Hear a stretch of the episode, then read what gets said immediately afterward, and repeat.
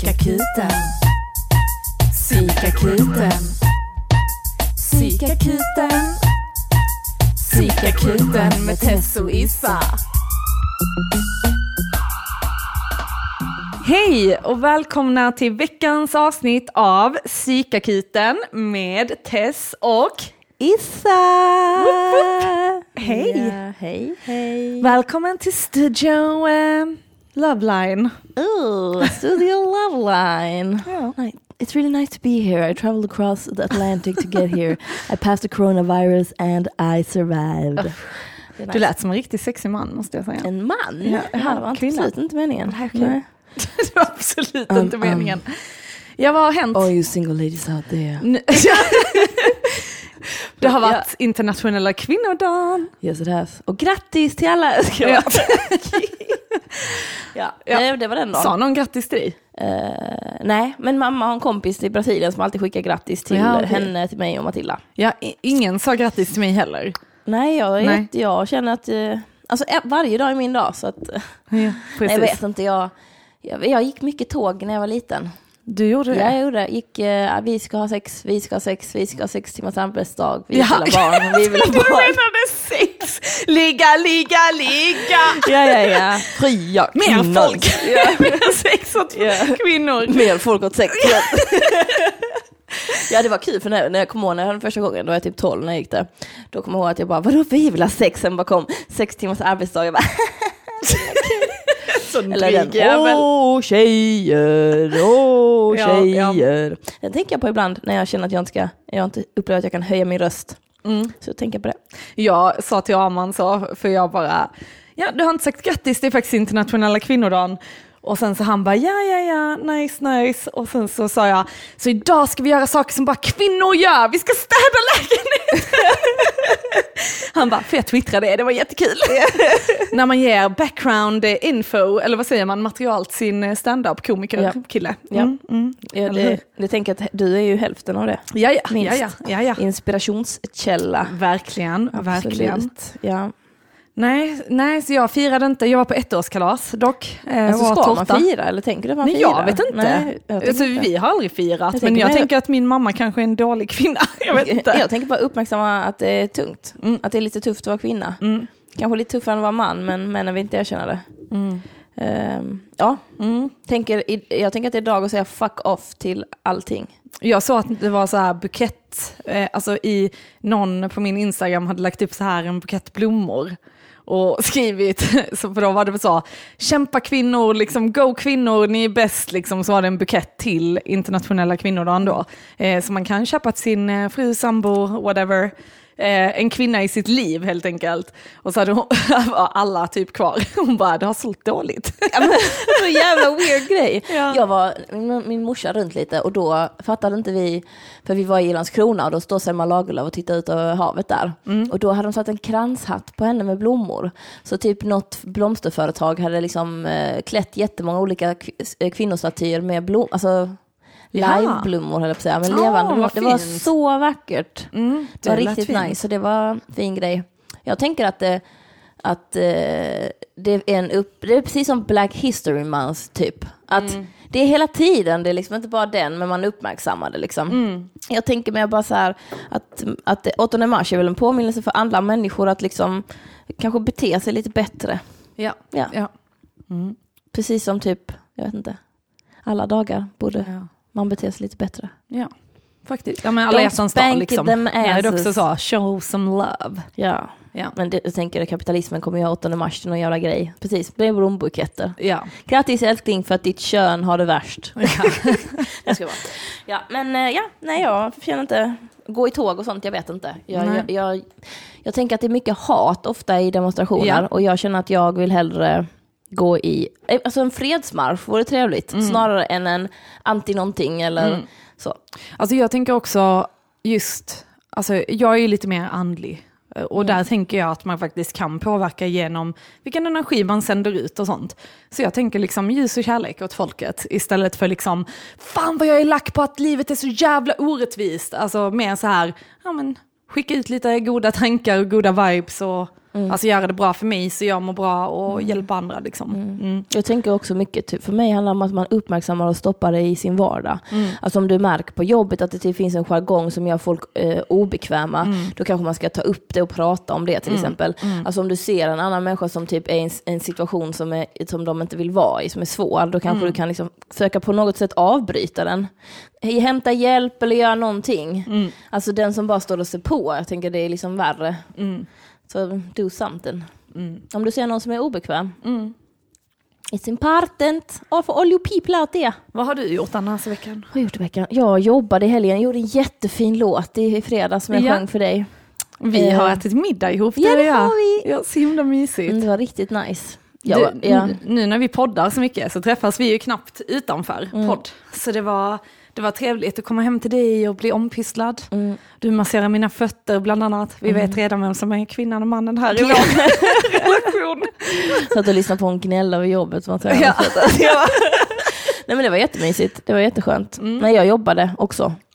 Mm. Liksom. Och sen var jag med min morsa och gled runt i Landskrona, för hon är från de trakterna. Mm. Som visar mig typ allting. Ja. Landskrona är jävligt mysigt alltså. Jag kan ändå, alltså, jag vet inte, i den här tanken på vad man vill, where you wanna end up. Liksom så här, vad, vad, ska man, vad vill jag köpa ett hus? Så kan jag känna, eller en större bostad. Mm. Landskrona är ändå där. Alltså Rönneberga backar. Och har, en, har liksom en gård där uppe på kullarna. Alltså inte bangat. Paje, min kompis, hon eh, har precis fått huskontrakt eller så, eh, hyres. Mm. Och då är det så här ett gammalt par som har liksom ett extra hus på sin tomt Mm. i Svarte, precis utanför Ystad. Och det var så jävla fint när hon visade, jag bara wow. Jag blev också så sugen, för hon Mm. bor i Ystad nu så hon vill ändå hålla sig där. Men eh, ja, då kan jag också bli lite så, ah, Mm. vill också ha hus. Mm. Det är skit, jag tänker det är jättekul, det finns ju mycket renoveringsobjekt i Skåne. Det hade ju varit kul. Men hade du kunnat tänka dig att bo kvar så här, alltså typ om dina föräldrar ville liksom att någon av barnen tog över ert hus? Hade du kunnat tänka dig att bo där? Eller Mm. ja, hade, jag det bara blivit, bli jätterik väldigt fort. hade det blivit så här för tråkigt att bo i samma... Nej, Nej, du hade kunnat tänka dig det? Ja. Ja, alltså jag älskar huset jag växte ja, ja upp det i. är skitnice. Alltså det är skitmysigt, jag gillar det de har renoverat och gjort med det. Mm. Och jag tycker bara varje år gör de någonting nytt som gör det ännu vackrare. Mm. Och jag bara älskar vår trädgård och, och det är skitbra läge i Lund. Men det är ju det här priset alltså. det är Mm. Alltså jag- det är jag- som fan. Ja, jag var på eh, reumatologen idag och träffade en arbetsterapeut eh, för att så här, ja, men prata om hur det går för mina leder och skulle ha eh, lite så här stödmedel och sånt och se liksom hur det gick och lite övningar och så för att mjuka upp kroppen. Och då så körde jag förbi i Lund, liksom där på väg mot Spiken. Så jag körde förbi så här nationerna och sen svängde jag in i de villaområdet som ligger där.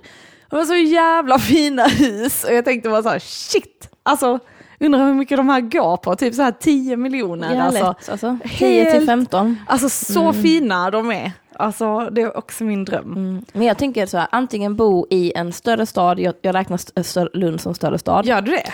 Ja, Ja. för att alltså, jag känner så här, det är, så, det är det minsta jag kan tänka mig att bo i, om man ska bo i en stad. Annars vill jag bo liksom, det är bara en bil som kan komma hem till mig. Eller Mm. en cykel till en busstation. Alltså inte bo i en liten by, utan då hellre bo... Alltså du hade inte velat bo i Svedala eller Åkarp Nej, eller utan då vill jag bo på landet. Alltså Ja. då vill jag liksom bo, jag kan bo utanför Åkarp. Liksom. Ja, Så, ja. så det är min tanke lite. Du bodde ju utanför Stångby på något sätt. Det, kan Ja. Mm. också, det är en annan grej, det är inte i smeten liksom. Nej, alltså och det som var nice var ju, alltså vi var ju, bodde i Malmö, eller i radhus, och sen köpte vi ett, liksom marken, för huset var liksom helt oanvändbart i princip.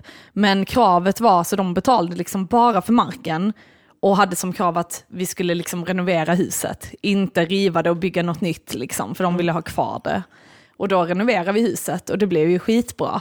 Och det som var nice tyckte jag att ja, men det var liksom åkrar runt omkring. Och nu när man har körkort då har det varit asgött att bo där. Det var inte så nice när man var tonåring. Man bara, jaha, ska jag behöva cykla skitlångt eller ta tåget eller så. Men, Men, uppe. men det är väldigt nära. Mm. Det är nice. Jag tänker att jag hade en moppe. Mm. Moppetess. Yes, yes. Ja. Jag var med bönderna på Lerbäcksskolan. Det var kul att det var sån Malmö city-tjej som helt plötsligt blev en bonde. Nej, jag blev ingen bonde, hallå. Ja men du vet när jag kom hem till dig och du började odla morötter och sånt. Jag jag var way too cool. Ja, men jag kände ju inte dig från din Malmötid så för mig var du ju alltid en bonde. Nej! Jo, jo, alltså jag har aldrig sett dig som en citygirl förrän Eh, du flyttade tillbaka till Malmö. Jag vet inte, alltså Det- detta det påverkar vår vänskap måste jag säga. Jag har alltid sett dig som en bonde. Ja, men du anammade ju många grejer. Prata som grov, vad- prata grov skånska. Va? Jag pratade redan malmöitiska, det var inte grov skånska, det var malmöitiska. Ja men så flyttades den över till någon sån här Stångby vallkärra. Nej. jag vet inte. Jag skojar bara. Nej du kan inte det. Ja. Nej men det var kul för att den här, eh, jag tänkte på den låten som jag skrev i fredags som jag sjöng för dig. Mm. Ehm, det är ju ett av, eh, den berör, alltså jag tänker att det är sluttampen i den här historien som vi ska prata om idag. Mm. Och min historia. Mm. Ehm, Ja, idag ska du dela med dig Ja. av din historia helt enkelt. och den här låten som jag skrev, den eh, är ju, beskriver ju min värsta rädsla. Eller min största rädsla. Mm. Och det är ju att, eh, att bli kär. Mm. och att eh, vilja ge kärlek till någon. Mm. Liksom. Och det tyckte jag var så fint när du lyssnade på den när jag sjöng den. Ja. Och jag märkte inte att du tog upp din telefon. Therese Björk, så smidig du är på det där alltså. Ja, ja. Ja. Filma när du minst anar. Ja, typ. Här ligger jag och blundar i mitt esse och du bara...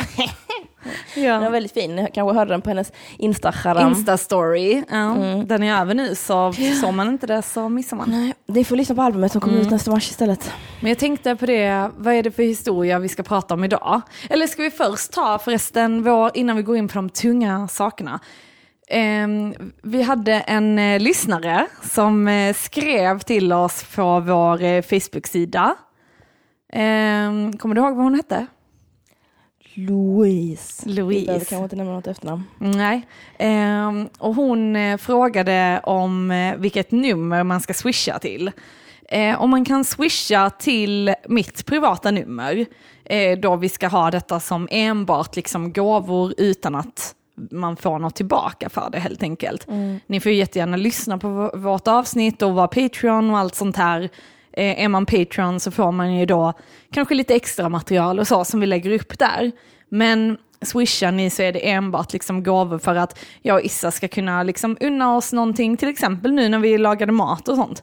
Hade man kunnat sponsra vår middag liksom, så att vi får äta gott och bli mätta. Mm. Från förra veckan har vi fått in lite swishar. Det var väldigt roligt. Vi fick någon kommentar om att, de ville, att det var någon som ville ha lite fler historier människor. Alltså, att människor berättar en historia om någonting Mm. de upplevt. Och sen fick vi även lite pengar till botox. Så det var jättebra. Ja. Jag känner att mina, mina rynkor börjar komma faktiskt. ja. It's time. Men så mitt privata nummer om man skulle vilja ge oss en liten gåva, eh, det är 0739 67 87 39. Alltså 0739 67 87 39. Detta är då, du kanske inte är Patreon och du gillar avsnittet och du vill skicka en slant till oss. Men Mm. eh, det kan man, ju, Ja. kan man ju fundera på att göra. Ja, och sen har vi även en liten eh, trudelutt. Ja, Ja. så här... ehm, Till Lollo. Ja. Så Lolo, this one's for you. Jag hoppas hon hette Lollo nu.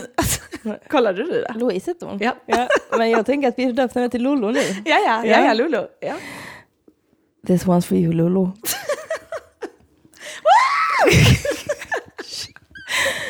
Lulu girl, you rock our world when you send us your money so we can pay our bills. en gång till Bravo, eller? bravo! Okej, Jag tror det var en, ja, Ja, så, var jag i takt med mitt knäppande? Vänta, vi får göra det en gång till. Om Okej. du knäpper först. Om du Okej. knäpper. Ja. Du-du-ba, ba-du-ba, ba-du-ba, ba-du-ba, ba-du-ba, ba-booba. Thank you, Lulu girl, you rock our world. Smoother when you send us money so we can pay our bills. Thank you girl. Jag tänkte att det mer skulle vara so we can pay our bills. Okej, okej, vi gör det. Okej, sista gången då. Sista gången. Okej, okej. Lulu girl, you rock our world when you send us money so we can pay our bills. Vet du vad du menar eller? Ja, jag vet! Tre, tredje gången gillt, ja jättebra. Ja, jättebra, Hoppas bra. du är nöjd med den här lilla tacksamhetslåten, för vi är väldigt tacksamma Ja. för alla er lyssnare. Det är jättekul Och alltså, jag tänker också att det är inte bara Lolo som kan få en låt specialskriven. Vi, vi börjar göra detta på helt. Det kommer vara, ja. Nu, nu är det bara serenader hela, hela tiden. Åh gud. Åh. Jag är lite taktad men sen, sen brukar jag komma in i det. Ja. gud. Ja. Mm, men det är bra att vi fick till och med höra Tess sjunga med, så det var bra. Vi var ju lite osäkra där på om eh, Lollo menade Bella som i Issa, som i jag, eller Bella som i Tess hund. Ja. Så Tess ska nu sjunga då, ifall det var Bella som skulle sjunga för Lollo.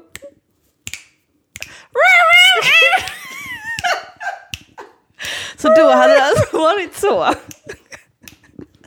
Så ni fick det båda två, ifall ifall det var så att det var fel. Alltså fy fan vad störigt avsnitt. Ja. sitter och skrattar. Vi behöver skratta lite innan vi går in på the hard Åh stuff. gud, Mm. ja. Ja, men som sagt, Tess har skickat sitt nummer och det är bara att, vi ska till exempel till Köpenhamn snart. Eh, Tess ska ställa ut sin konst den 27 Sjunde Ja. till eh, 29 mars. Mm. Och eh, jag hoppas att det går bra och att det inte är hotat av coronaviruset.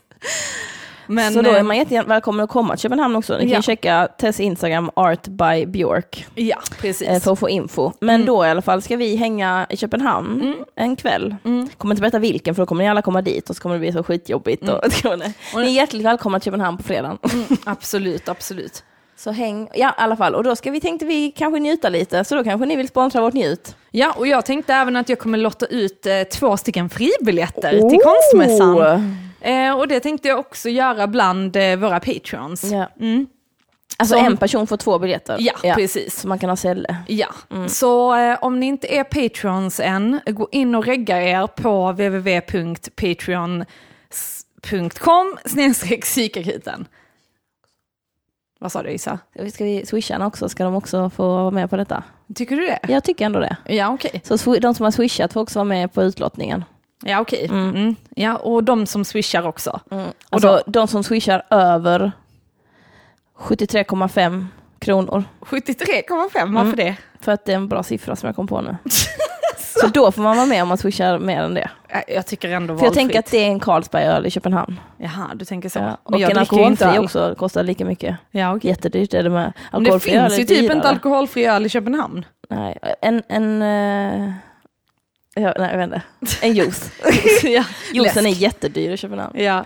Nej, Ja. men det blir bra. Och eh, jag tänkte, idag så ska vi ju faktiskt gå in på din historia. Du ska dela med dig av den. Och detta är lite speciellt, för vi har ju faktiskt gjort ett avsnitt som har faktiskt handlat om exakt detta. Eh, det var vårt andra avsnitt vi spelade in och vi valde att inte släppa det. Så nu kommer vi göra liksom en eh, remake på det avsnittet.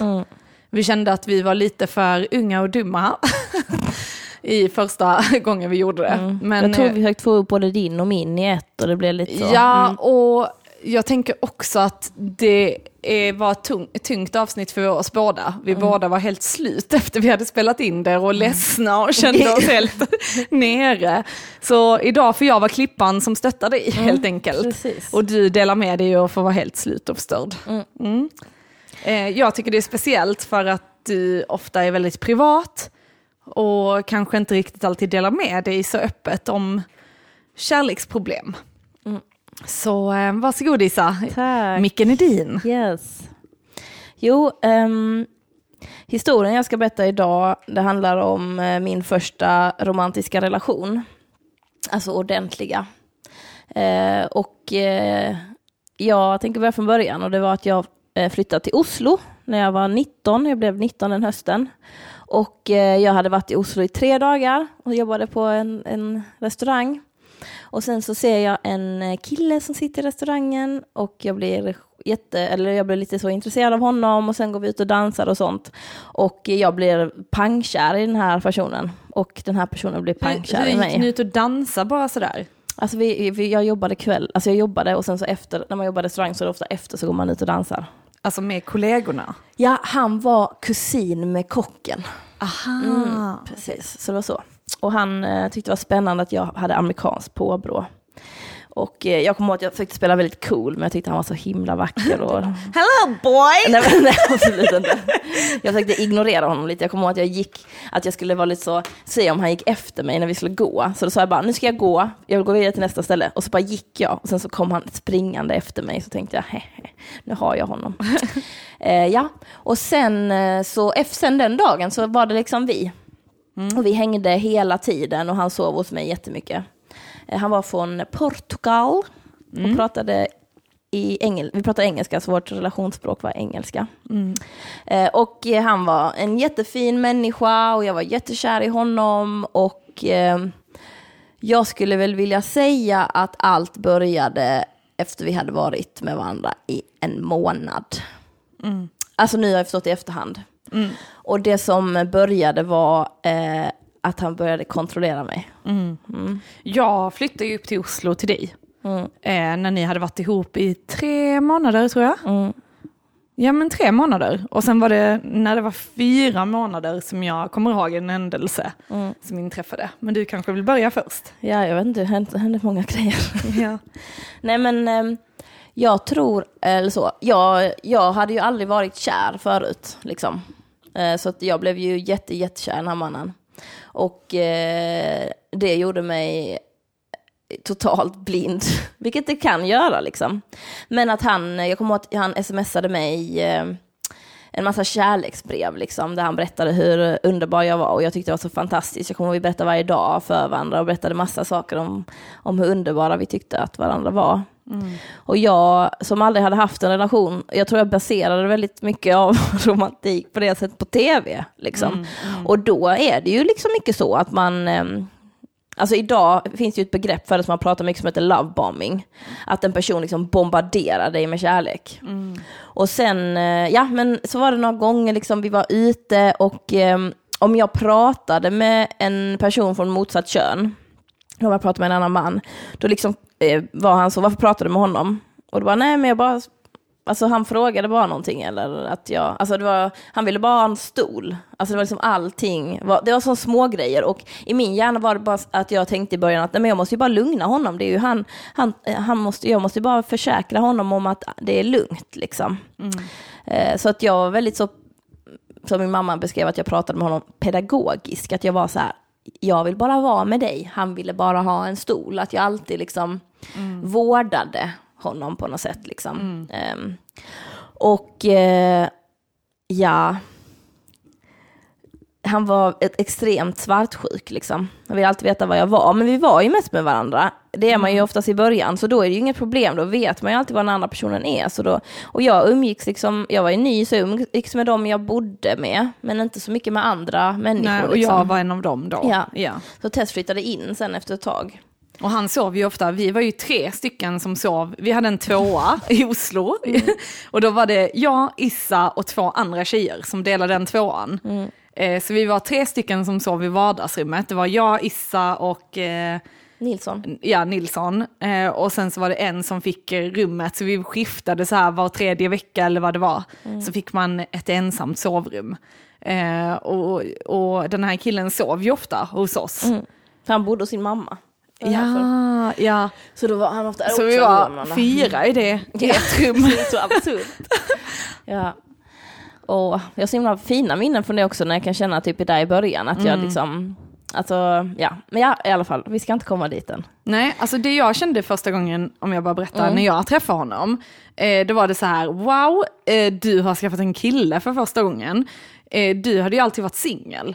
Eh, och varit lite så här ens eh, girlfriend, girl power, ehm, guru. Typ, du var ju verkligen en sån som pratade med mina ex och typ hotade dem och sa liksom, Sara ni testar jävlar kommer jag döda er typ. Alltså, och test du förtjänar bättre och du ska inte ta skit och sånt. Och det var så himla stor kontrast att träffa dig efter då tre månader när du var i en relation. För helt plötsligt så var du, du var som alla andra tjejer som är kära i någon. Det var inte längre det här, jag tar ingen skit, jag gör alltså, utan där stod du och lagade hans mat och svansade omkring och eh, det var jättestor skillnad verkligen. Och sen eh, kommer jag ihåg att jag så här försökte bonda med honom.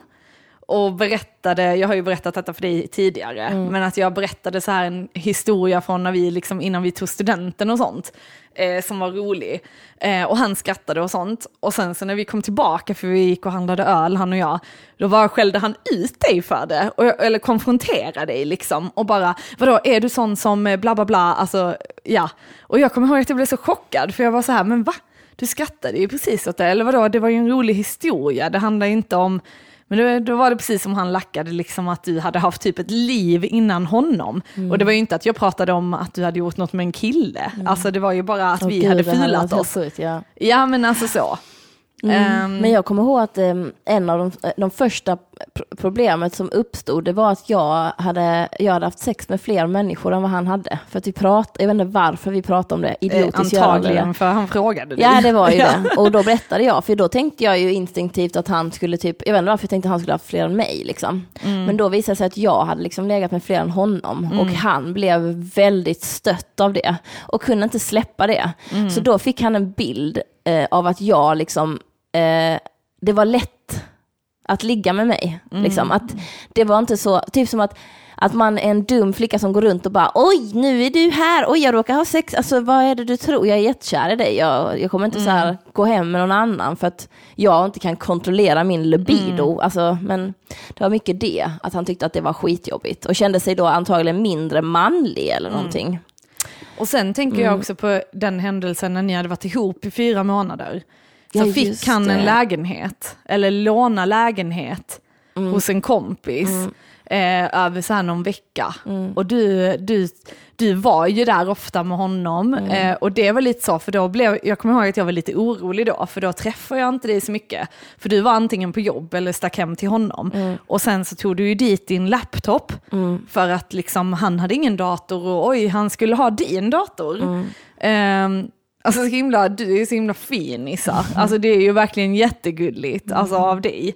Eh, sen att han inte tjänar det, det är en annan femma. Men, eh, Och så var det ju typ att direkt när vi liksom lärde känna honom och så, så var det ju så, ah, vad heter han på Facebook, man vill snoka, man vill se liksom vem detta är. Och han hade ju hela tiden sagt att han inte hade Facebook. Och sen så, jag berättar vad som hände Ja, sen. sen så, på något sätt så gick jag ju in och sökte på hans namn på Facebook och så dök han upp. Och jag Nej men, bara, var, nej, men det var att du skulle logga in på Facebook när du var hemma hos honom. Ja. På din Facebook. Ja. Och då stod hans e-postadress inskriven. Ah, alltså, alltså grejen är så är det jättebra att du pratar om detta för att alltså jag, denna, det, hela den här relationen har, var så traumatisk för mig så att jag har typ inte så mycket minnen. Är det sant? Ja, alltså jag har tappat, Alltså, jag kommer ihåg detta så jag har tappat tidigt. jättemycket av mina minnen. Ja, men för då berättade du, alltså när detta hände då, Mm. Att eh, du skulle logga in, han var inte hemma, du Mm. var i, eh, hemma hos honom. Du skulle logga in på din Facebook, på din dator liksom. Mm. Och så var, har han sagt, jag har ingen Facebook. Men sen har han varit inloggad så det står logga in liksom. Mm. Men lösenordet var inte iskrivet. Och då sökte du på hans e-postadress som han hade. Mm. Eh, och då kom det upp. Och då så kom det även upp att han var in a relationship. But it's complicated. Mm. Ja. Med en annan brud. Och då kom jag ihåg att jag blev ju jätteledsen och konfronterade honom om det. Och så kom jag ihåg att jag gick därifrån liksom. Alltså shit, det är så sjukt. Jag gick jag därifrån. Men sen, jag vet inte riktigt hur han lyckades liksom. Alltså då tänker jag att jag redan var rätt så um, nedbruten. Alltså då hade det gått ändå, det har inte gått så många månader, men jag var redan liksom verkligen, Du var, ju, du var ju skitledsen när du kom tillbaka och då kändes det som första gången man fick typ kontakt med dig. Kände jag när vi snackade om det. Och då var det ett att han har ljugit att han hade Facebook. Två, att han är i en relation med någon annan. Hans förklaring på relationen var att det var en, en tjej som var helt besatt av honom och han ville inte vara i en relation med henne och hon bodde i London just nu. Så att de träffades inte men hon verkade inte fatta att det var slut typ. ja, Pratade du någon gång med den tjejen? Nej aldrig. För undrar hur hon, hon tänkte kanske att... Jag tror, jag, jag, vi ska gå, komma tillbaka till detta sen, den storyn evaluating. För helt plötsligt, en gång så var ju jag, blev jag, jag ju den tjejen. Vadå? Som inte kunde släppa honom och som var obsessed med honom. Ja. Ja, men ska komma tillbaka dit. Ja, Så då, men ja, detta var väl första händelsen jag var involverad i, där jag kände, fy fan detta är något skumt med Ja. den, denna killen, helt enkelt. ja. Så jävla skumt. Ja men då hade jag ju liksom, alltså jag var ju så fruktansvärt eh, förtrollad av honom. Jag vill faktiskt inte säga förälskad nästan, för att det var typ som att hela mitt värde låg i vad han, eh, alltså styrde han. Liksom. Ehm, jag hade liksom aldrig, ja men som du säger, alltså jag är en väldigt, jag är en väldigt snäll person. Alltså när jag älskar så älskar jag hårt.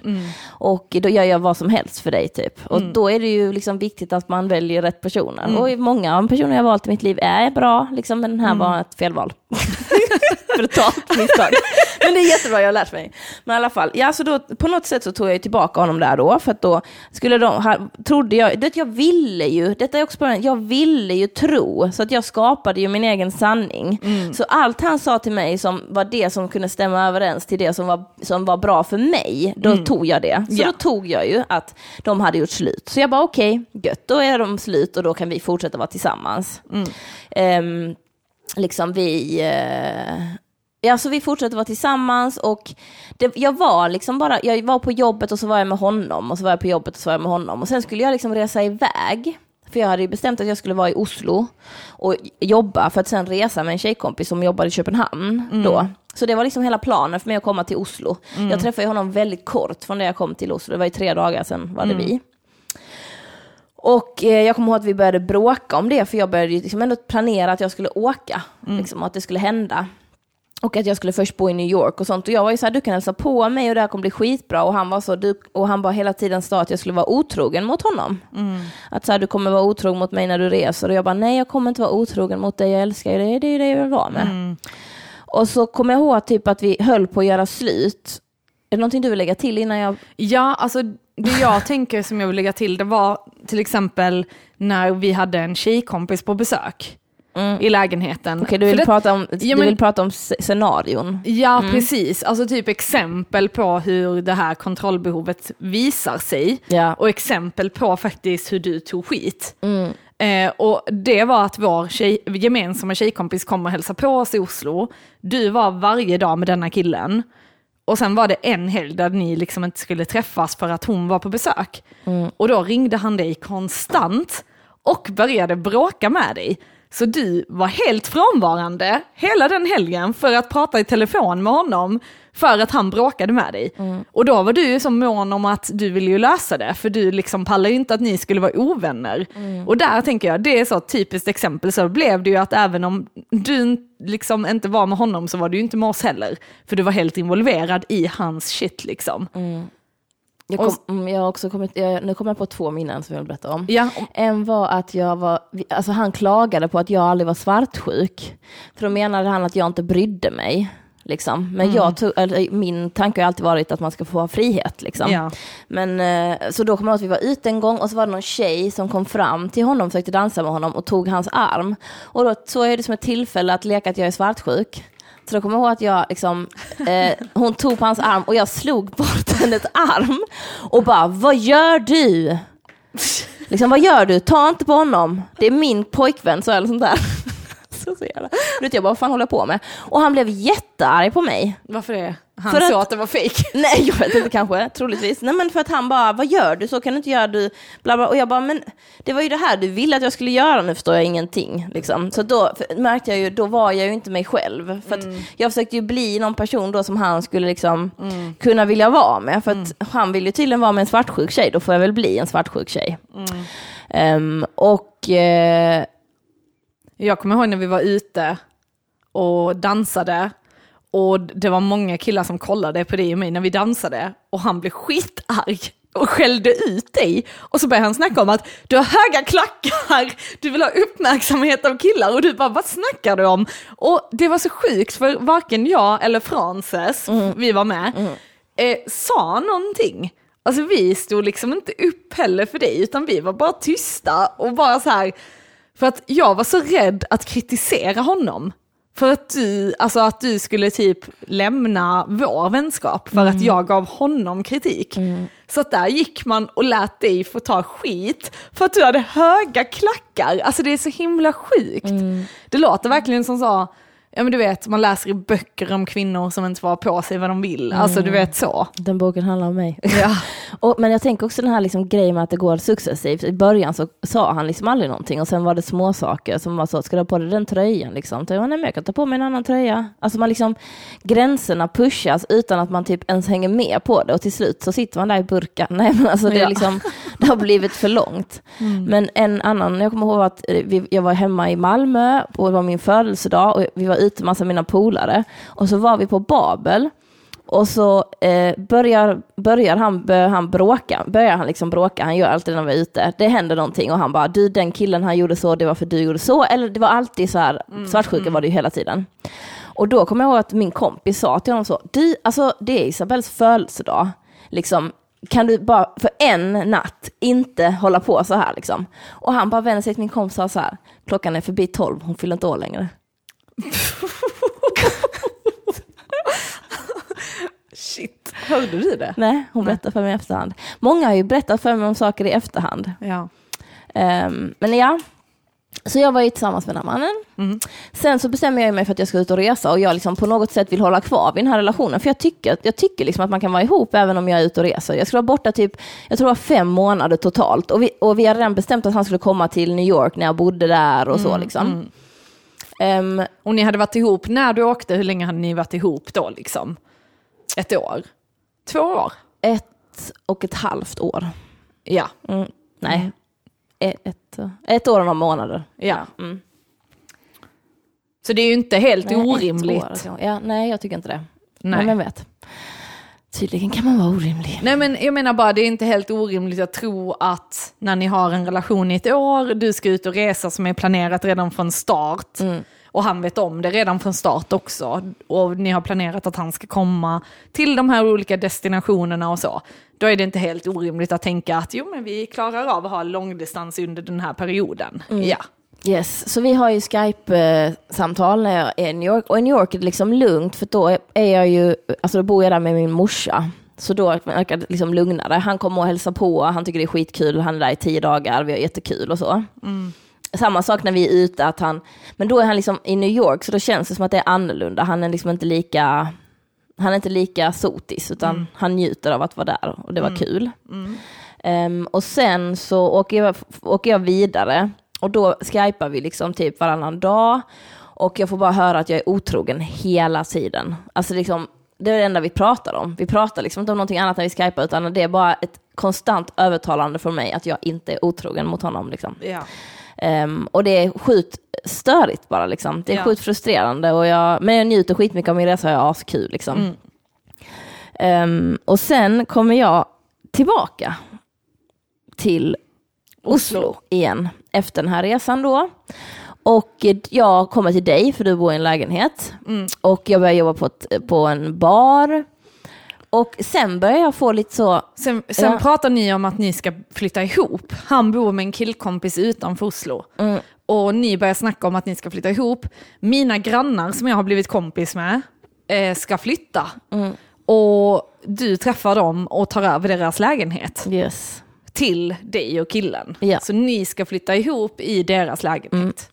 Och tiden går och jag eh, liksom väntar väl på att han, eller vi har ju sagt att vi ska flytta ihop, men han liksom är jävligt trög. Eh, Så han flyttar liksom inte in. Men han har hela tiden ursäkter på varför han inte flyttar in. Och jag är så dum i huvudet. Nej, men, och jag kommer ihåg Gud, jag att du... skäms så mycket ibland över det här. Ja. Ja, men jag kommer ihåg att du var hemma hos mig någon dag. Mm. Eh, och så satt vi och hade massagekväll. Och du bara började gråta så jävla mycket. Och du bara, han flyttar inte in. Jag fattar inte varför. Mm. Alltså det är så jävla konstigt. Och det, för det är så många, för varje gång ni bestämmer ett datum som han ska flytta så skjuts det upp på det jävla Mm. datumet. Och det är skumt, hela situationen är skum. Ja, den är jävligt skum. Och sen, jag vet, jo, och sen så, jag, så ska jag gå till jobbet en dag. Och då typ får jag något skitkonstigt samtal av någon människa som bara ringer mig, en kvinna, och som bara säger typ, jag är, jag vill att du ska veta någonting om di- din pojkvän, och jag fattar ingenting. Och typ det är bara så här, du måste få reda på det här. Och sen så typ klickar det, och så hör jag ingenting. Liksom, och bara, vad fan var det här? Tänker jag, de måste ringt fel, tänkte jag. Vad fan är det här för skit? Så jag börjar på jobbet och det är chill liksom. Och sen går det några fler veckor och jag kommer inte ihåg om han, han har liksom fortfarande inte flyttat in. Och då kommer jag ihåg att han, att det är skitweird. Jag får liksom inte tag på honom alltid, han är liksom inte alltid tillgänglig, det är liksom, allting är konstigt. Det är liksom alltid weird. Och jag jobbar på liksom. Och sen så kommer han hem till oss inom citationstecken en dag. Och då ehm, så, jag tror, nej han, nej han bor inte där då tror jag inte. Han bor där men han bor inte där. Ja. Han har inte flyttat sina saker, Ja, men han är ändå där. Ja. Och sen, åh gud, jag älskar dig Isabel. Du är så gullig.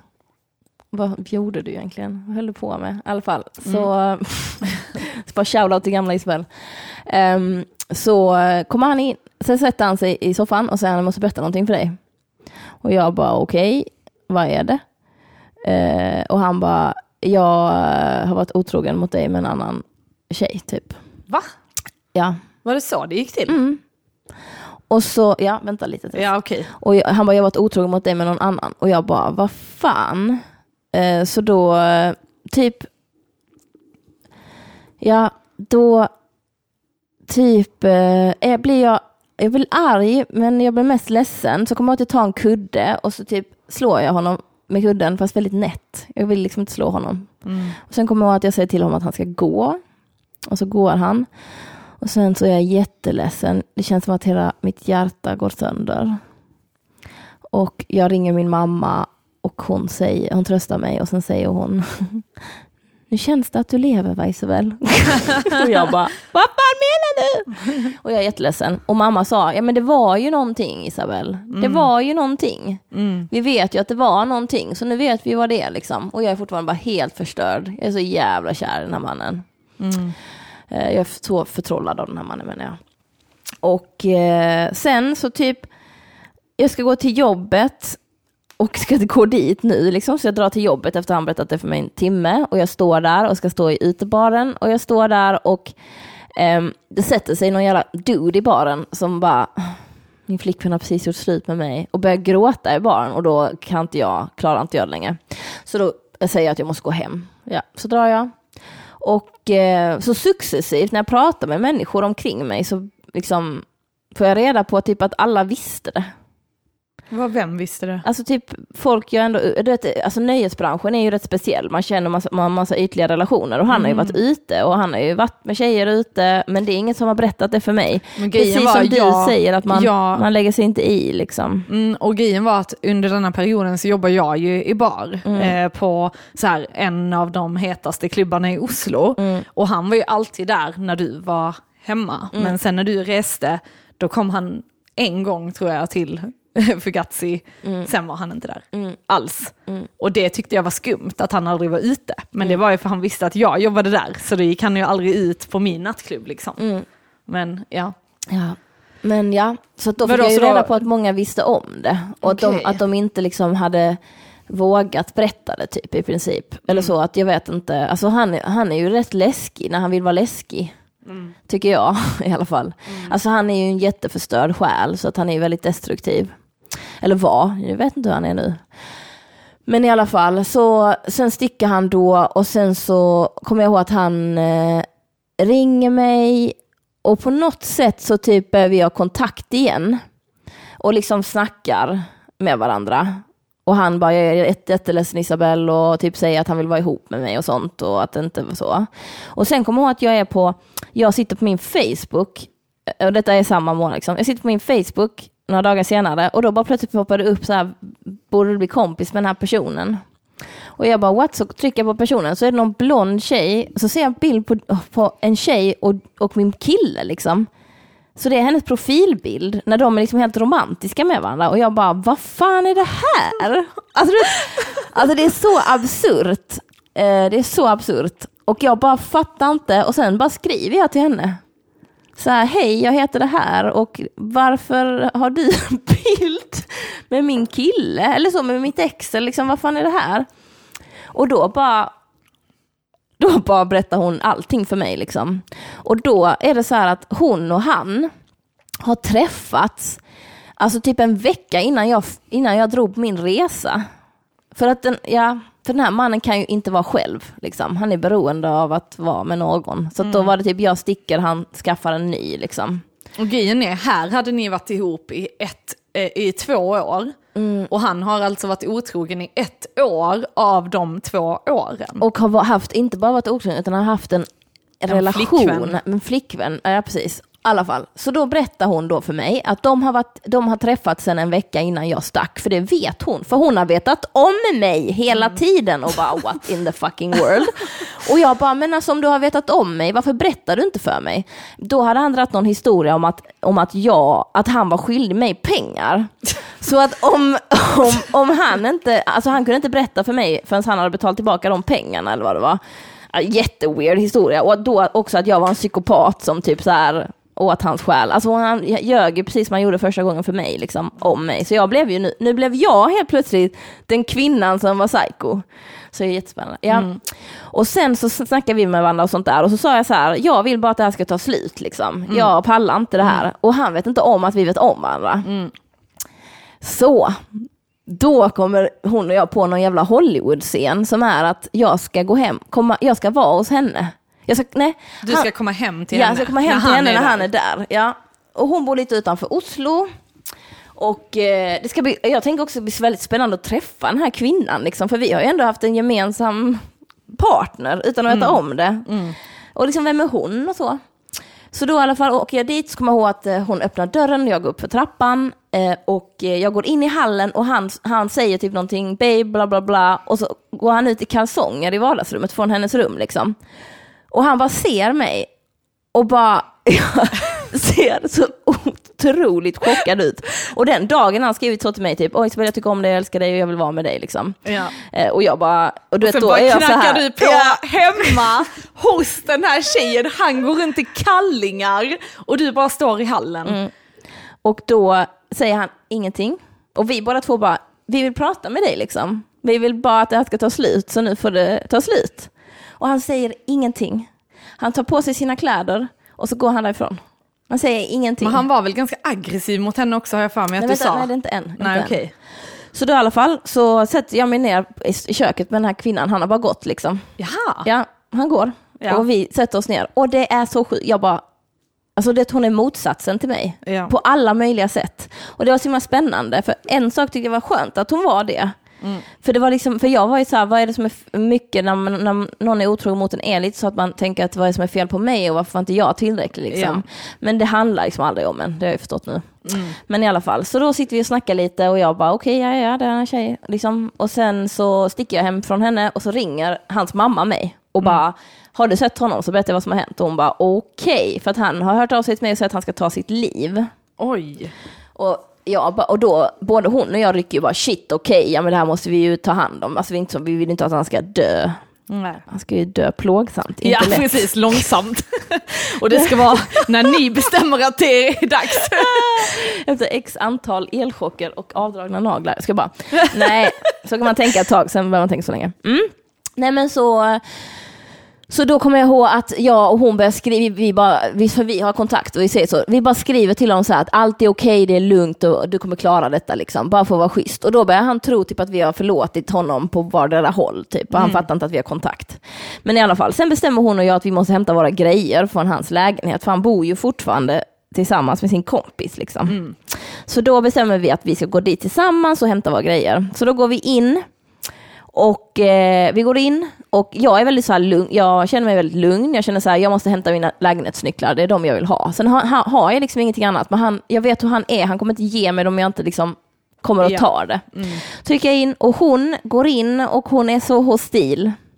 Så hon går in och bara säger, var är mina grejer? Jag vill ha mina grejer nu, na na na. Och du vet jag bara, wow, du, känner du den här mannen? För att alltså, det här kommer inte sluta bra. Och hon bara går och bara öppnar garderoben och försöker ta, ta presenter som hon har gett till honom och jag bara oh my god, detta kommer bli så jävla illa. Du vet, alltså jag vet ju att han är väldigt, han är, han är ju, alltså jag vet inte vad han är, men någonting är han. Psykopat, sociopat, någonting. Och han, man kan inte ta på hans grejer, han är ju en extrem materialist liksom. Och hon bara drar ut alla hans saker ur garderoben. Alltså jag bara Jesus Christ, jag bara säger det till henne. Och jag står bredvid hans kompis som är liksom en vän till mig. Så. Ja. Och vi bara, oh my god, this is not going to end well. Så på något sätt så fortsätter jag vara den här mogna personen. Ja. Som är så här, jag tänker folk har so är sårade. Nu ska jag känna mig verkligen Ja. som den pedagogen fortsätter. I alla fall, då börjar han putta ut henne ur lägenheten och de börjar liksom, hon börjar slå på honom och det börjar bli riktigt illa. Och jag bara står så här i hallen och bara, eh, hej Isabel, svensk konflikträdd, ja vad händer nu? Och sen eh, så typ så tittar jag på honom och säger så George lugna ner dig, liksom, vi ska gå, jag vill bara ha mina lägenhetsnycklar, sen går vi. Och han, och han gråter jättemycket, han är jätteledsen. Han, hela hans värld, värld har ju kollapsat. Ja. Två kvinnor lämnar på en och samma dag, det är ganska tufft ändå. Så i alla fall, så tar vi mina nycklar så går vi ut och sen så sticker vi. Och sen så börjar George ringa mig. Och, Med hans namn. Du sa det innan också. Skitsamma, ingen vet vem det är. Nej, så börjar han ringa mig och eh, ehm, så, ja, och inte henne. Nej. Det är också För en ni grej. sitter med varandra på ett café väl? Vi sitter, nej, vi sitter på ett torg tillsammans. Mm, men, så han ringer mig och hon bara, vad fan ringer han dig för? Hon ringer inte mig.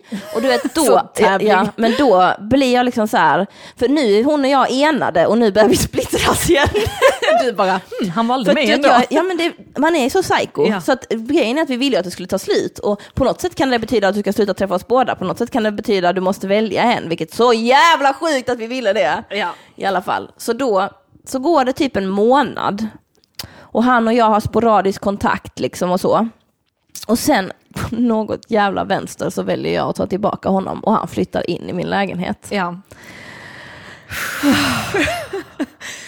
Alltså det var tungt att höra det live kan jag säga. Så. Alltså för då hade du ändå varit ledsen, berättat allt. Och just det här att han varit ihop med henne i ett fucking år. Alltså det var så sjukt. Det var så sjukt. Och sen så skulle det vara att ni, för du sa så, nej men jag har förlåtit honom och jag vill inte att det ska ta slut på grund, på grund av en sån sak utan det ska ta slut för att jag inte är kär och att jag är redo att lämna. jag kommer ihåg det så bara väl. men, men, men är du fortfarande kär i honom? Eller, alltså jag bara, Ja. men han har ju gjort så här mot dig. Alltså, och där gick det inte att nå dig igen för du hade bestämt dig.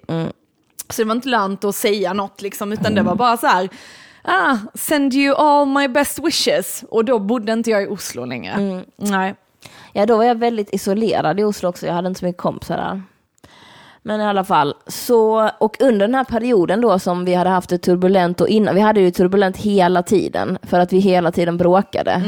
För att han hela tiden ville kontrollera mig. Det kunde ju vara det kunde vara tillfällen när jag kommer hem och jag, är, och jag hela tiden måste vara på tå för att jag tänker att jag ska inte göra någonting som, upp, som gör honom upprörd. Och då blir man ju liten som en mus och man slutar, liksom, man slutar existera. Man börjar existera för en annan människa. Så det höll jag på med jättelänge. Och sen började det gå ut fysiskt över mig, vilket jag fattar nu i efterhand. Jag, jag slutade kunna ha sex för att jag fick så sjukt mycket besvär i mitt underliv när jag hade sex. Så att liksom efter vi hade sex, eh, det började med efter vi hade sex, och när jag kissade kändes det som att någon stack mig med knivar. Mm, det sved liksom. Ja, som fan, alltså var sjukaste. Och sen så var liksom, kunde jag inte ens ha sex längre. Och må, många, vad jag har förstått, som när jag pratar med andra människor som har varit i sådana här relationer, så är ju sex någonting som är liksom grundpelaren i hela relationen. Att den, det ses liksom som intimitet, att så länge vi har sex så liksom löser det sig, för det är som smörjmedlet. Hade då- ni mycket så här makeup-sex efter? Alltså alltid. Ja. Ja. det var, Ja. Alltså, jag var i ett så turbulent, passionerat förhållande. Alltså jag var i en, fi- ett filmförhållande. Fuck you, jag hatar dig. Sen bara börjar man hångla. Och sen bara Ja. ligger man. Oh, det- och sen bara, jag det- älskar dig, jag älskar dig. Alltså det är så typiskt sådana här relationer att allting ligger på sex. Men det är liksom. sjukt intressant för med min, mitt senaste ex, där var det också att vi bråkade som in i helvete och vi hade alltid makeup-sex. Alltså det kändes nästan som att man bråkade för att man skulle kunna ha sex typ. Ja. Alltså, och det roliga var när jag kom ju, liksom lite avstickare här, Mm. men när jag började träffa min nuvarande sambo så hade vi aldrig makeup-sex och jag tyckte det var jättekonstigt. jag bara, men eh, det känns som att något fattas. Mm, men det är väl den tanken att man, man tror att det handlar att sex är intimitet. Ja, sex kan vara intimitet, men intimitet är jättemånga olika saker. Och han och jag var ju inte intima för fem öre. Nej, Vi hade sex, liksom. Ehm, och, men ni kysstes ändå och sådana grejer. ja, ja, liksom. absolut, det Ja. gjorde vi. Mm. Men eh, alltså, det var inte så här ömsint, I love you, I love you, och sätter på romantisk musik som jag liksom kan ha haft senare i mitt liv. Absolut inte det, utan det var mycket ilska. Det var mycket, mycket aggressivitet från båda hållen. Liksom. Ja. Ehm, i alla fall. Och sen så slutade vi kunna ha det för att jag kunde ju inte. Det gjorde ju så jävla ont. Så jag, jag kommer ihåg att vi hade sex och jag grät för att det gjorde så ont. Liksom. Oj, ja. Ehm, och då, då höll jag ju på att dö för då var, kände jag ju att nu kommer det krascha. För Ja. att vi har inte sex och då har vi bara bråk. ja. Ja, i alla fall. Och sen, eh, så när jag tog tillbaka honom då så var det någon kväll han inte kom hem. Och jag bara ringde och han svarade inte och sen kom han hem på morgonen och då hade han något jävla plåster på kinden. För då hade han typ varit i slagsmål, någon hade bitit av en bit av hans kind så han hade fått gå, Alltså, åka in va? och sy. Mm, det var helt sjukt. Och då när jag, jag litar ju inte på honom längre. Nej, Så nej. att jag hela tiden, när han inte svarar mig eller när han inte gör någonting så säger jag vad var det, vad var det på riktigt liksom. Och han blir ju skittrött på det. ja. Eh, Men jag kan inte rå för det, så då bråkar vi ju bara, fortsätter vi bråka och han säger du måste lita på mig annars får vi inte vara ihop. Jag bara, jag litar på dig men du måste svara och bla bla, fram och Ja. tillbaka, fram och tillbaka. Och det, egentligen, du litade inte på Nej, honom. och jag kan Nej. inte, vi kan inte ha sex, jag är ledsen hela tiden, jag gråter liksom konstant. Det är liksom Ja. bara, jag är bara så jävla ledsen. Jag är Ja. så ledsen. Och eh, det bara är så att han är borta och jag, liksom, jag bara känner jag litar på dig. Och typ hon hör av sig till mig och säger att de ses igen. Typ. Och, jag bara, och jag konfronterar honom och han säger nej hon ljuger och jag bara okej. Och bara, alltså jag är så jävla ledsen. Nu går jag liksom på ingenting. Berättade du att du var ihop med honom igen för henne? Ja. Ja. Ehm, och jag, jag är bara så fruktansvärt ledsen. Och sen så, jag tror att det har gått en månad eh, tills jag börjar gråta varje dag. Mm. Och jag kommer ihåg att jag ligger i sängen och att jag gråter och han ligger bredvid mig och bara bryr sig inte att jag gråter. Mm. Um, och somnar liksom. Mm. Jag kommer bara ihåg att jag är så jävla ledsen. Mm. och att jag vet inte vad jag ska göra. Och sen umgås jag med hans syster en dag. Och då säger hon till mig att hon aldrig ser mig le längre. Mm. Att jag är blek och att hon, att hon liksom, och jag kommer ihåg att då att jag tänker att, fan alltså jag är en person, jag är en person, gud vad hemskt detta är. Ja. Jag är en person som ler, jag är en glad person. Mm. Och jag var inte det då. Liksom. Att jag var en jätte, jätteledsen person som bara grät för att jag var så himla ledsen. Mm. Ehm, och så kommer jag ihåg att jag, att jag hade liksom bestämt mig då. För hon, efter en vecka efter hon hade sagt det, då bestämde jag mig för att jag inte ville vara med honom längre. För jag tänker att man ska, för jag kommer ihåg många gånger i vår relation så sa han en sak som, till mig som till exempel, så här ser relationer ut Isabel. Och eftersom att jag inte hade haft en relation innan och han hade haft flera relationer, då tänkte jag i mitt dumma lilla ungdomshuvud att han visste hur man hade en relation. Mm. Liksom. Ehm, och då kommer jag ihåg att jag säger att jag måste prata med honom och att vi sätter oss ner och jag säger att jag inte vill vara ihop med honom längre. Mm. Och att han, eh, han bara, alltså att han blir så, han blir väldigt chockad. Mm. Och sen säger han bara, okej, ja men om det är det du vill då, då går jag. Och så gick han bara liksom. Det är också intressant att han blev chockad efter att du typ bölat varje dag en månad och varit helt olycklig och han bara eh, va? Skämtar du? Vill du inte ha detta? Han bara nej, inte riktigt. Ja, och sen så... Men frågan är, mm, var han, alltså för han blev ju ändå kär i dig så som du var från början. Mm. Du var sprudlande, du var glad, du älskade att dansa, du liksom var attraktiv alltså för andra människor. Alltså du har ju en väldigt sprudlande energi som gör att människor flockas runt dig. Mm. Alltså det gör man. Och man vet om, kommer du på festen så blir det en kul fest. Alltså så har det alltid varit med dig. Och där och då så var du ju inte längre den personen. Så frågan är vad han, alltså vad han, alltså jag tänker på något sätt att han också har förändrat dig till det sämre och att han borde tappa känslor för dig. mm, Fattar du? För du var inte den som längre, alltså jag tänker lite på kanske tjejkompisar jag har haft som har gjort så lite med killar. Alltså att de förändrar killarna och sen är det bara så, men jag är inte kär i honom längre. Men det är de som har kontrollerat och förstört killarna från början. Eller förstår du vad jag Ja. menar?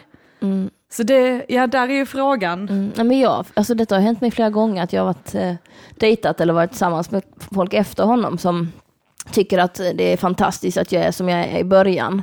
Och sen så börjar de vilja stänga in mig. De vill liksom inte dela mig. De vill ha det för sig själva. Men eh, grejen är ju att liksom jag måste ha andra människor för att jag ska fortsätta vara som jag är. Liksom. Du kan inte isolera mig, då dör jag. Alltså Jag är en social varelse och jag får energi av människor och att vara runt människor.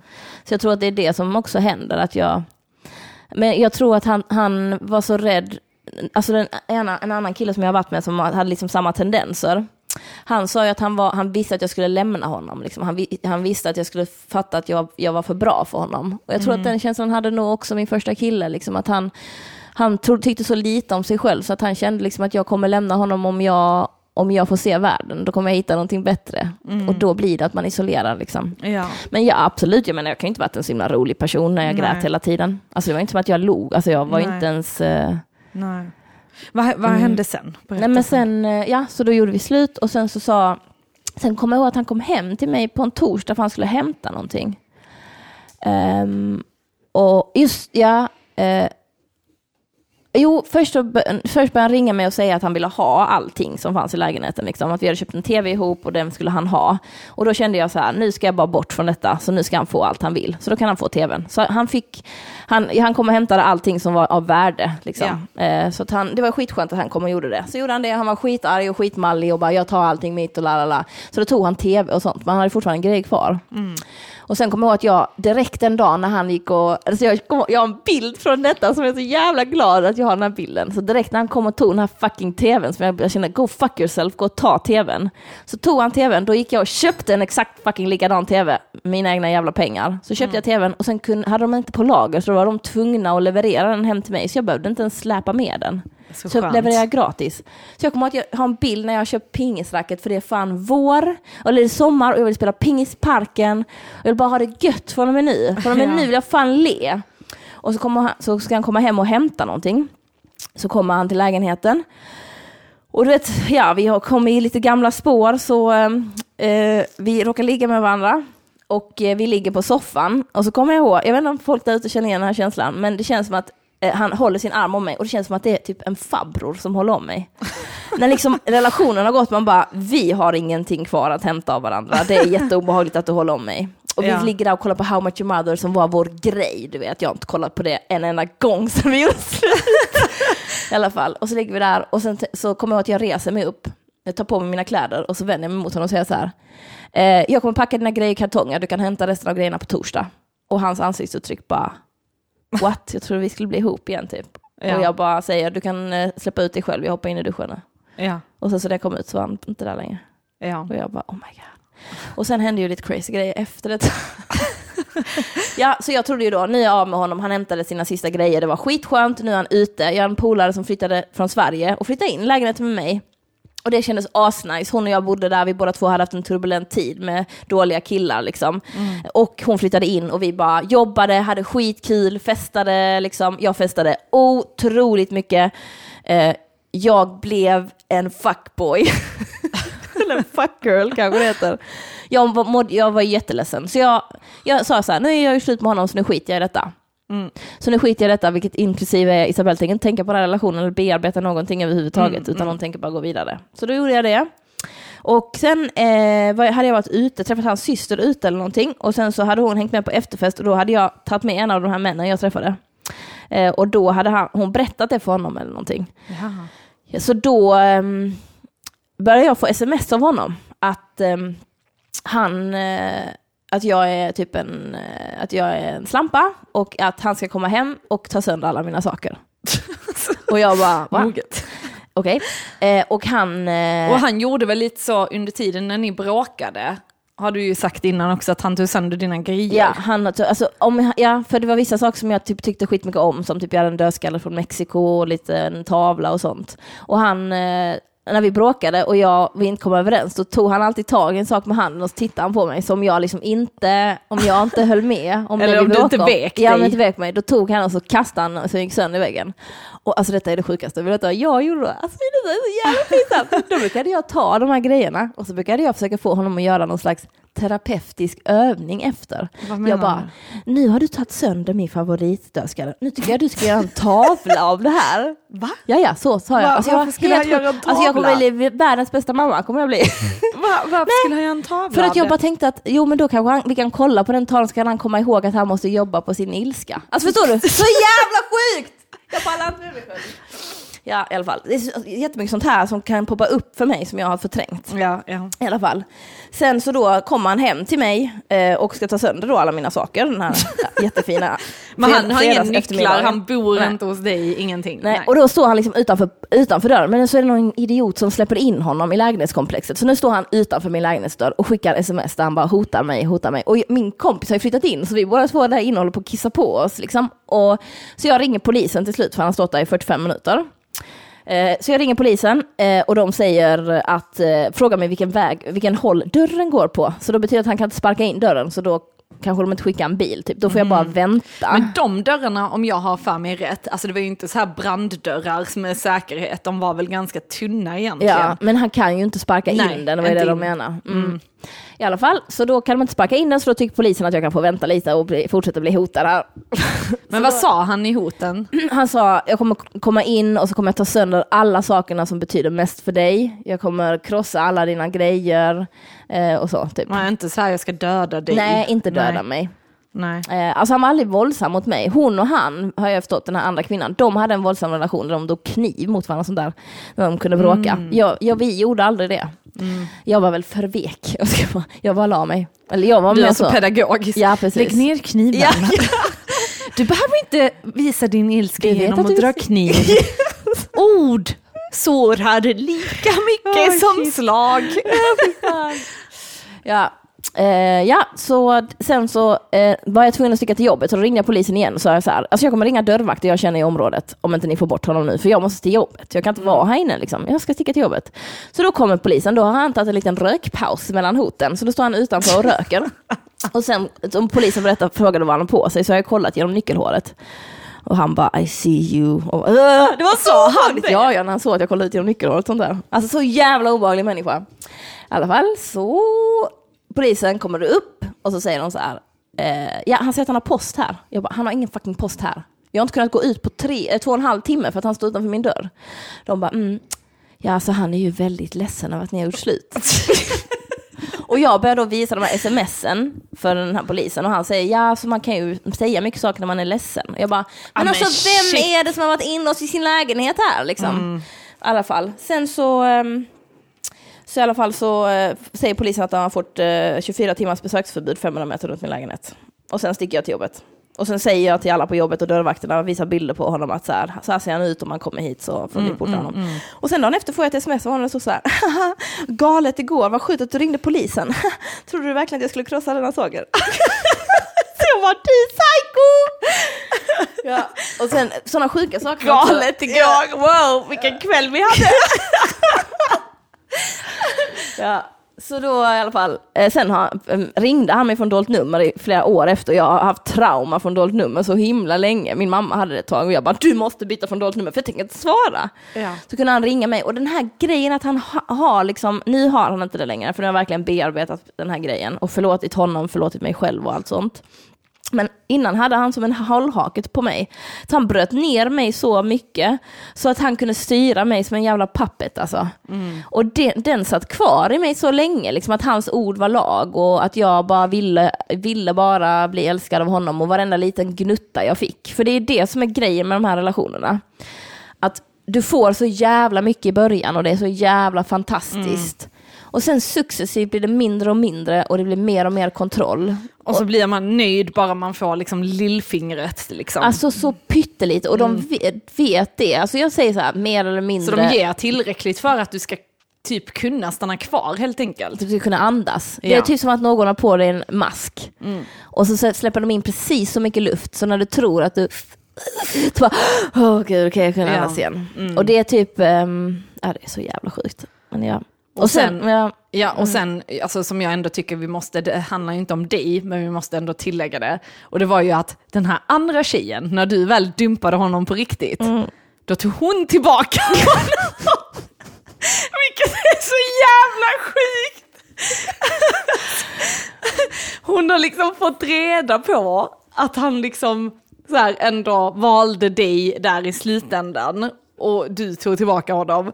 Och ändå så väntar hon på honom. Och sen ska få de barn ihop. Mm, hon blev gravid en månad efter han och jag gjorde slut. Alltså det är så sjukt. Och nu har de en litet barn ihop och är tillsammans. Jag vad tror du? Jag vet inte, jag tror de är fortfarande tillsammans. Ja. Herregud. Alltså ja. jag han har ju inte. sista mejlet som jag har fått av honom. Han fortsätter ju mejla mig jättelänge. Ni, ni, det kan väl också tilläggas. Issa. Okej, jag hade så här, innan jag stack från Oslo så hade jag som grej att jag skulle träffa alla, alla män jag någonsin träffat i Oslo under en vecka. Så då gjorde jag det och då var han en av dem. Det var helt galet. Jag kommer ihåg att han hade blivit mycket, jag kommer ihåg att träff, vi träffades på eh, hotellet han jobbar på. För jag tänkte bara jag skulle säga hej då. Jag hade inte alls tänkt det bara. Och så kommer jag ihåg att jag är där och att jag kommer ihåg att jag satte på mig Timberlands och jeans för jag vet att hur jobbigt det är att ta av sig Timberlands. och jag kommer ihåg att jag träffade honom och det första jag säger så här är att han är kort. Att han är kortare än vad jag minns honom. Ja. Och då kommer han bara, vad fan säg inte så Isabel, det är skittaskigt att säga så. Men då är det för att jag slutar se upp till honom liksom såklart. Och sen så släpper han av mig hemma i min lägenhet efter vi har suttit och snackat liksom. Ehm, och så smsar han mig när han åker iväg, eller har åkt iväg. Och jag bara, okej skönt, Isabel, du, du höll dig, det är bra, det är bra avslut. Mm. Sen smsar han mig eh, när han höll på att åka iväg. Och bara, om jag kommer tillbaka nu, vad gör du då? Så sa jag, men då ligger jag med dig, tänkte jag. Så då gjorde vi det. Och jag grät under hela Grät jag du? grät under Varför hela, det? för jag var så ledsen. Han har sårat mig så mycket. Jag var inte intresserad av honom. Jag vet inte vad jag höll på med där. Jag ville typ bara få bevisat för mig att vi aldrig ska vara med varandra, vilket Ja. jag fick. Liksom. Ja.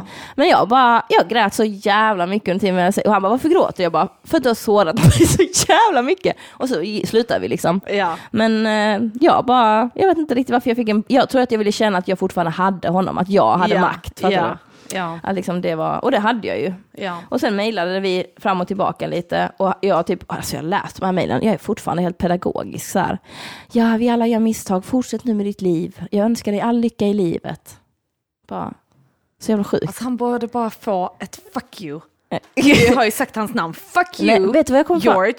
Fuck you. Du är sämst. Du är ingen bra kille Ja, alls. Fuck you George. Alltså fy fan. Mm.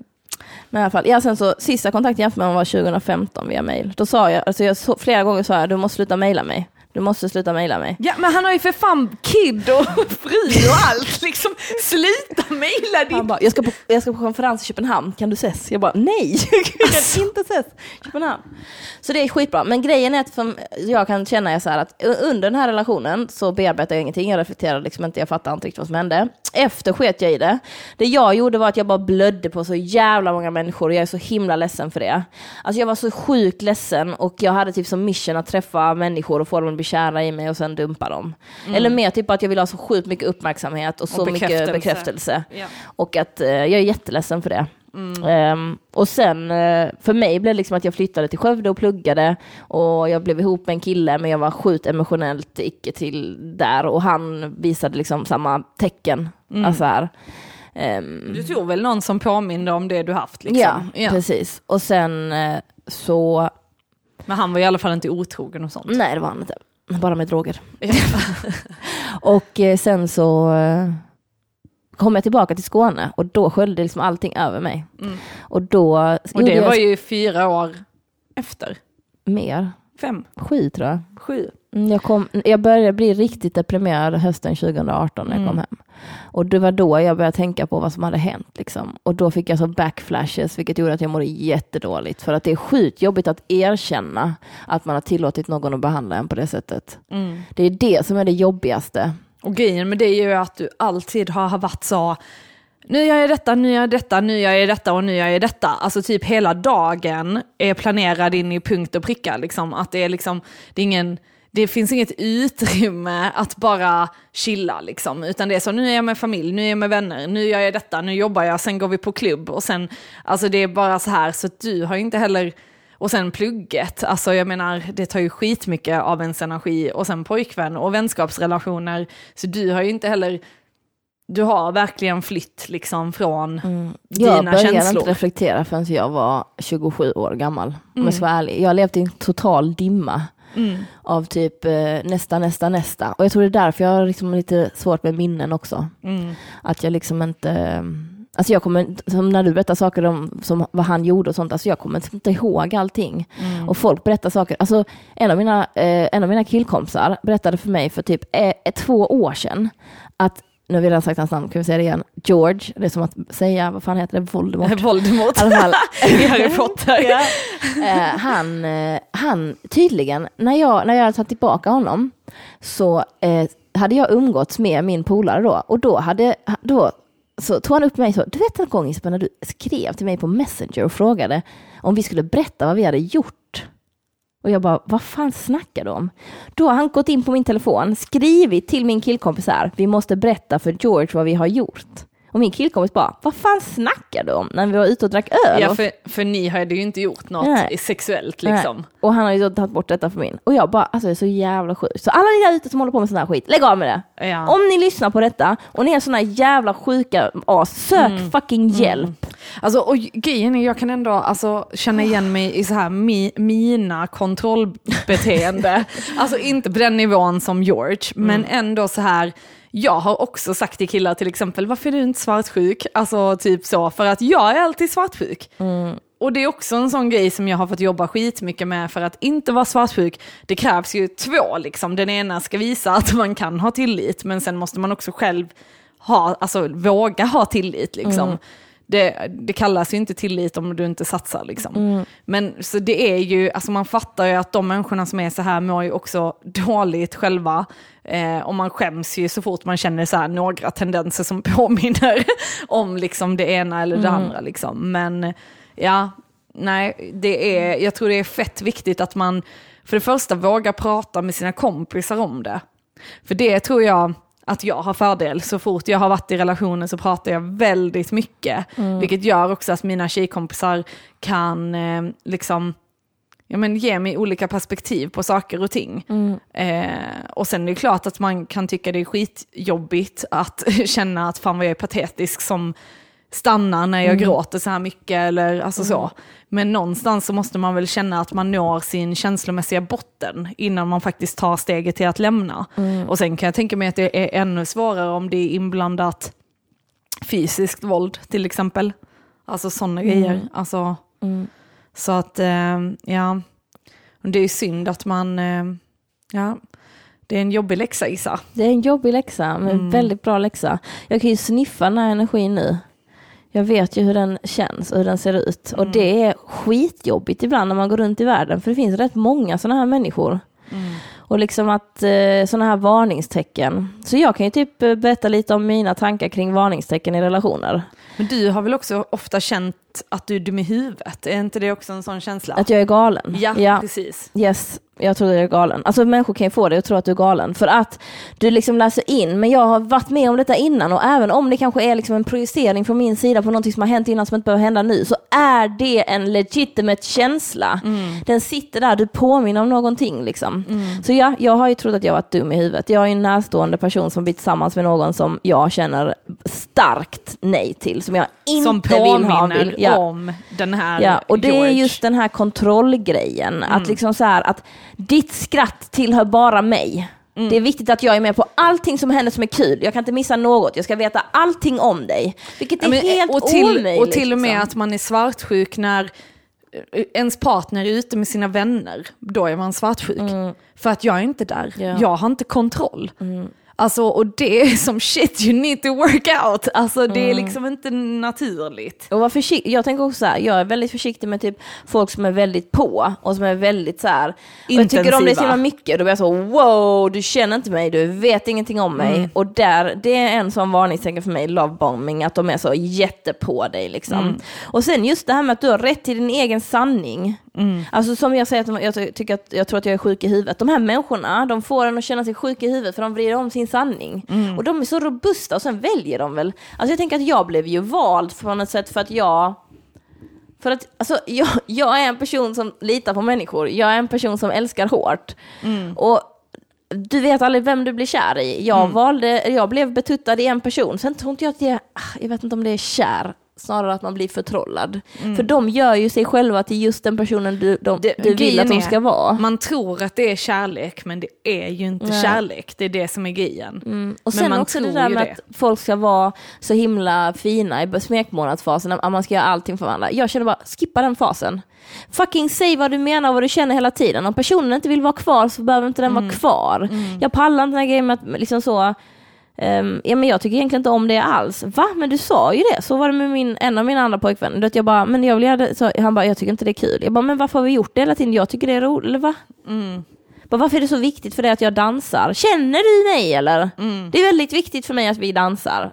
Jag tycker det är kul att dansa. Alltså, bara, bara var dig själv. Och sen eh, kanske inte jag väljer dig då. Tough luck, fortsätt med Ja. ditt liv. Jag kände så när jag började dejta igen efter att ha varit celibat i så här tre år. Mm. Då var det att jag började så här, ja men jag spår i tarotkort, jag gör detta och jag visste om att folk kommer tycka att jag är helt crazy. Alltså folk kommer tycka att detta är sjukt. Men Mm. jag kände så, I don't care. Detta är vad jag tycker om, detta är vem jag är som person. Och passar inte det, nej då kan du dra för då är inte du rätt för mig. Mm. Och det är så jävla skönt att slippa så här, oh nu måste jag anpassa mig efter vad killar tycker. Mm. Utan istället bara, så här är jag, gillar du det? Nej, okej. Hej då. Då var det inte meningen att det skulle vara du och jag. Mm. Det är så jävla skön känsla att bara kunna vara totalt sig själv och visa det direkt. Mm. Utan att spela de här, uh, oh, jag ska vara på detta sättet liksom. Mm. Var uppmärksam på behov. Detta är mitt behov. Ja. Detta är ditt behov. Okej, vi är väl med varandra. Jag vill upp, jag vill, om du säger till mig att jag har ont i mina fötter, Tess, du är min kompis, då vill jag ta hand om dina fötter lite. Det är väl självklart, vi är i en relation. Liksom, att det inte så här, det är fan inte så mycket stor skillnad på vänskap och kärlek. Det kan jag säga också. Att vi tillåter den här monogamrelationen att liksom få behandla oss rätt sjukt ofta. Men vänskap, aldrig i livet att vi skulle göra det. Nej. Och det är så sjukt viktigt att förstå att relationer alltså, har samma basis oavsett Mm. vilken den är. Om den är till din familj eller vänner eller jobb. Något- Den ska vara härlig. Ja, ja, liksom. och något jag tänker med relationer det är att, ja, men, som du säger, vänskapsrelationer visar ju ofta respekt gentemot varandra. Jag skulle till exempel inte kalla dig för något fult, alltså för att jag har ändå respekt gentemot dig. Och visar jag inte respekt så kan du välja kanske att eh, eh, inte vilja vara med mig eller alltså du vet så. Medan typ destruktiva relationer, där kan det vara att man hela tiden tänjer på gränser angående den här respekten. Och jag har många vänner som har antingen varit i eller liksom har, att när de bråkar med sin partner att de kallar kanske varandra för fula grejer. Jag vet att jag och mitt ena ex, vi slogs ju nästan när vi liksom bråkade.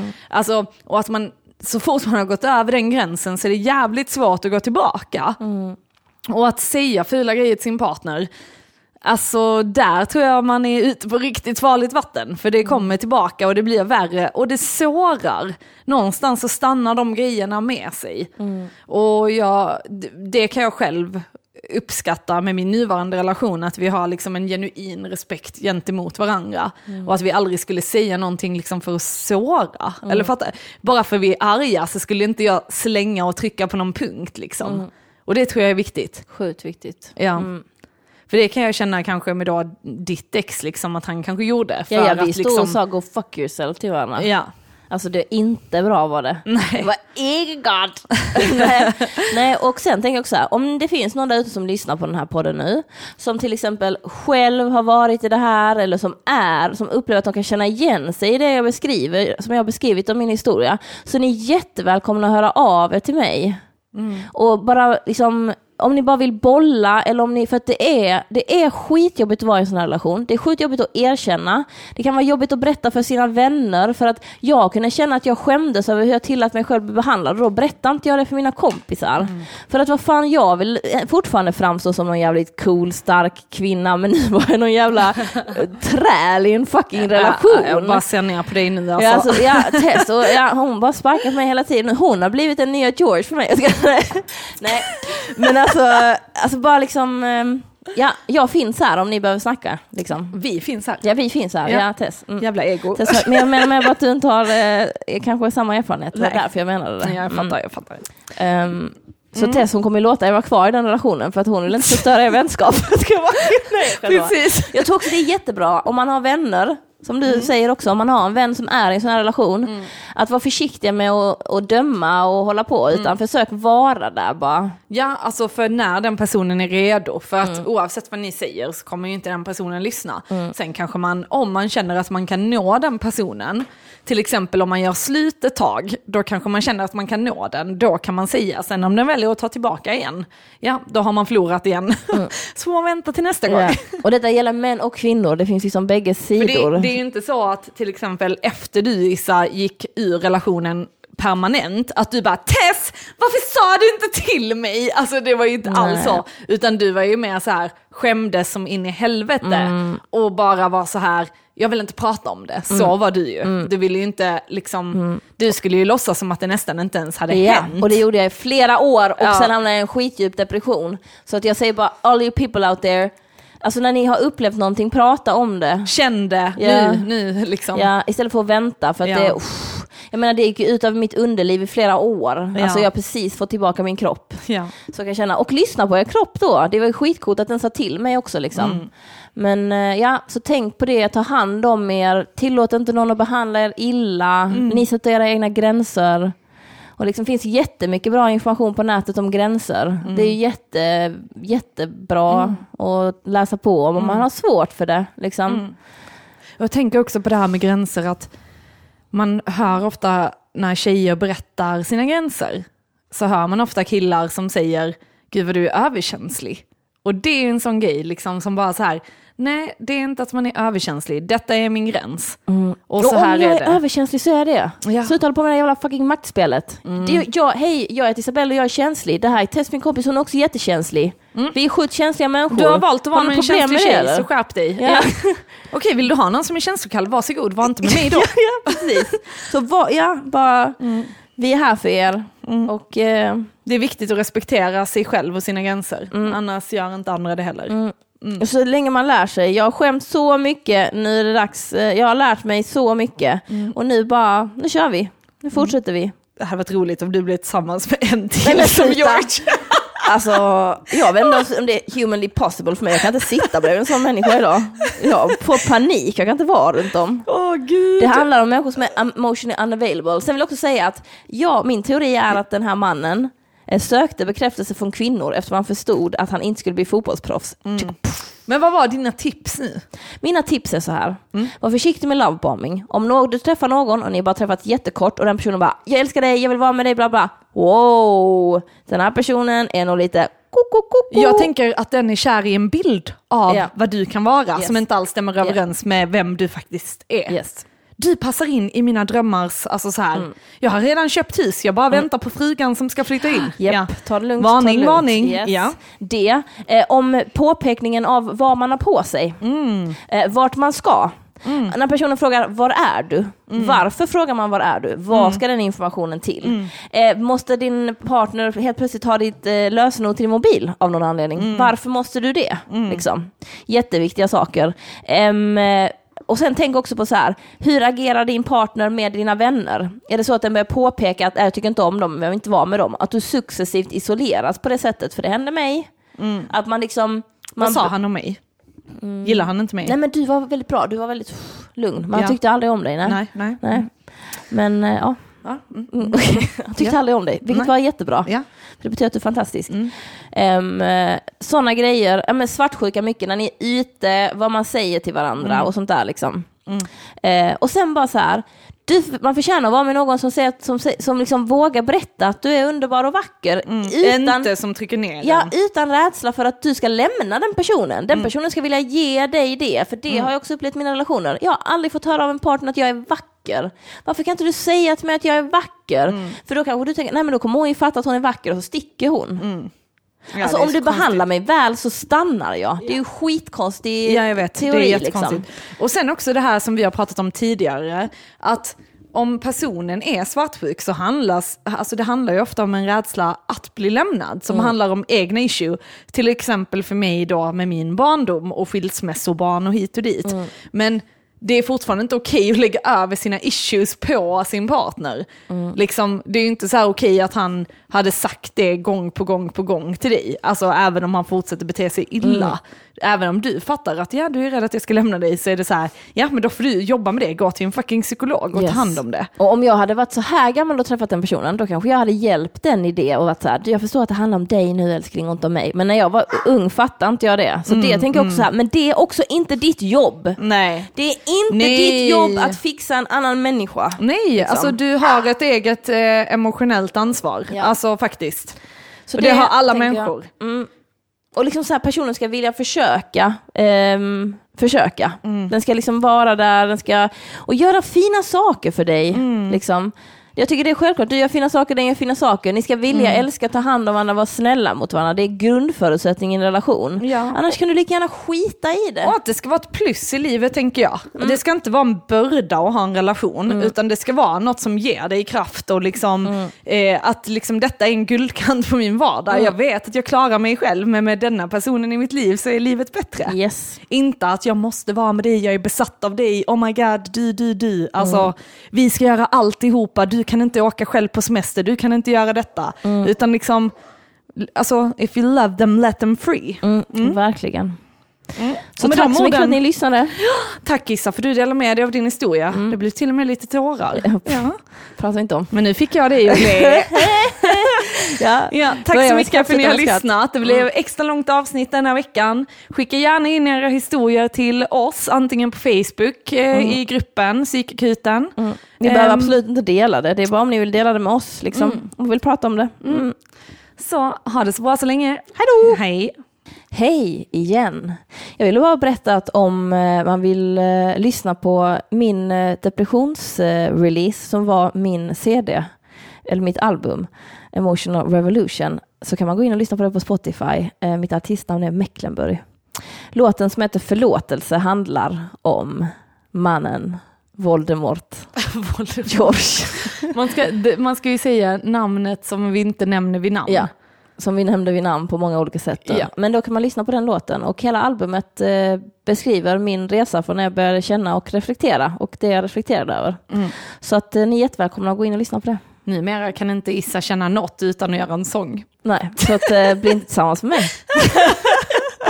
ha det bra! Hej!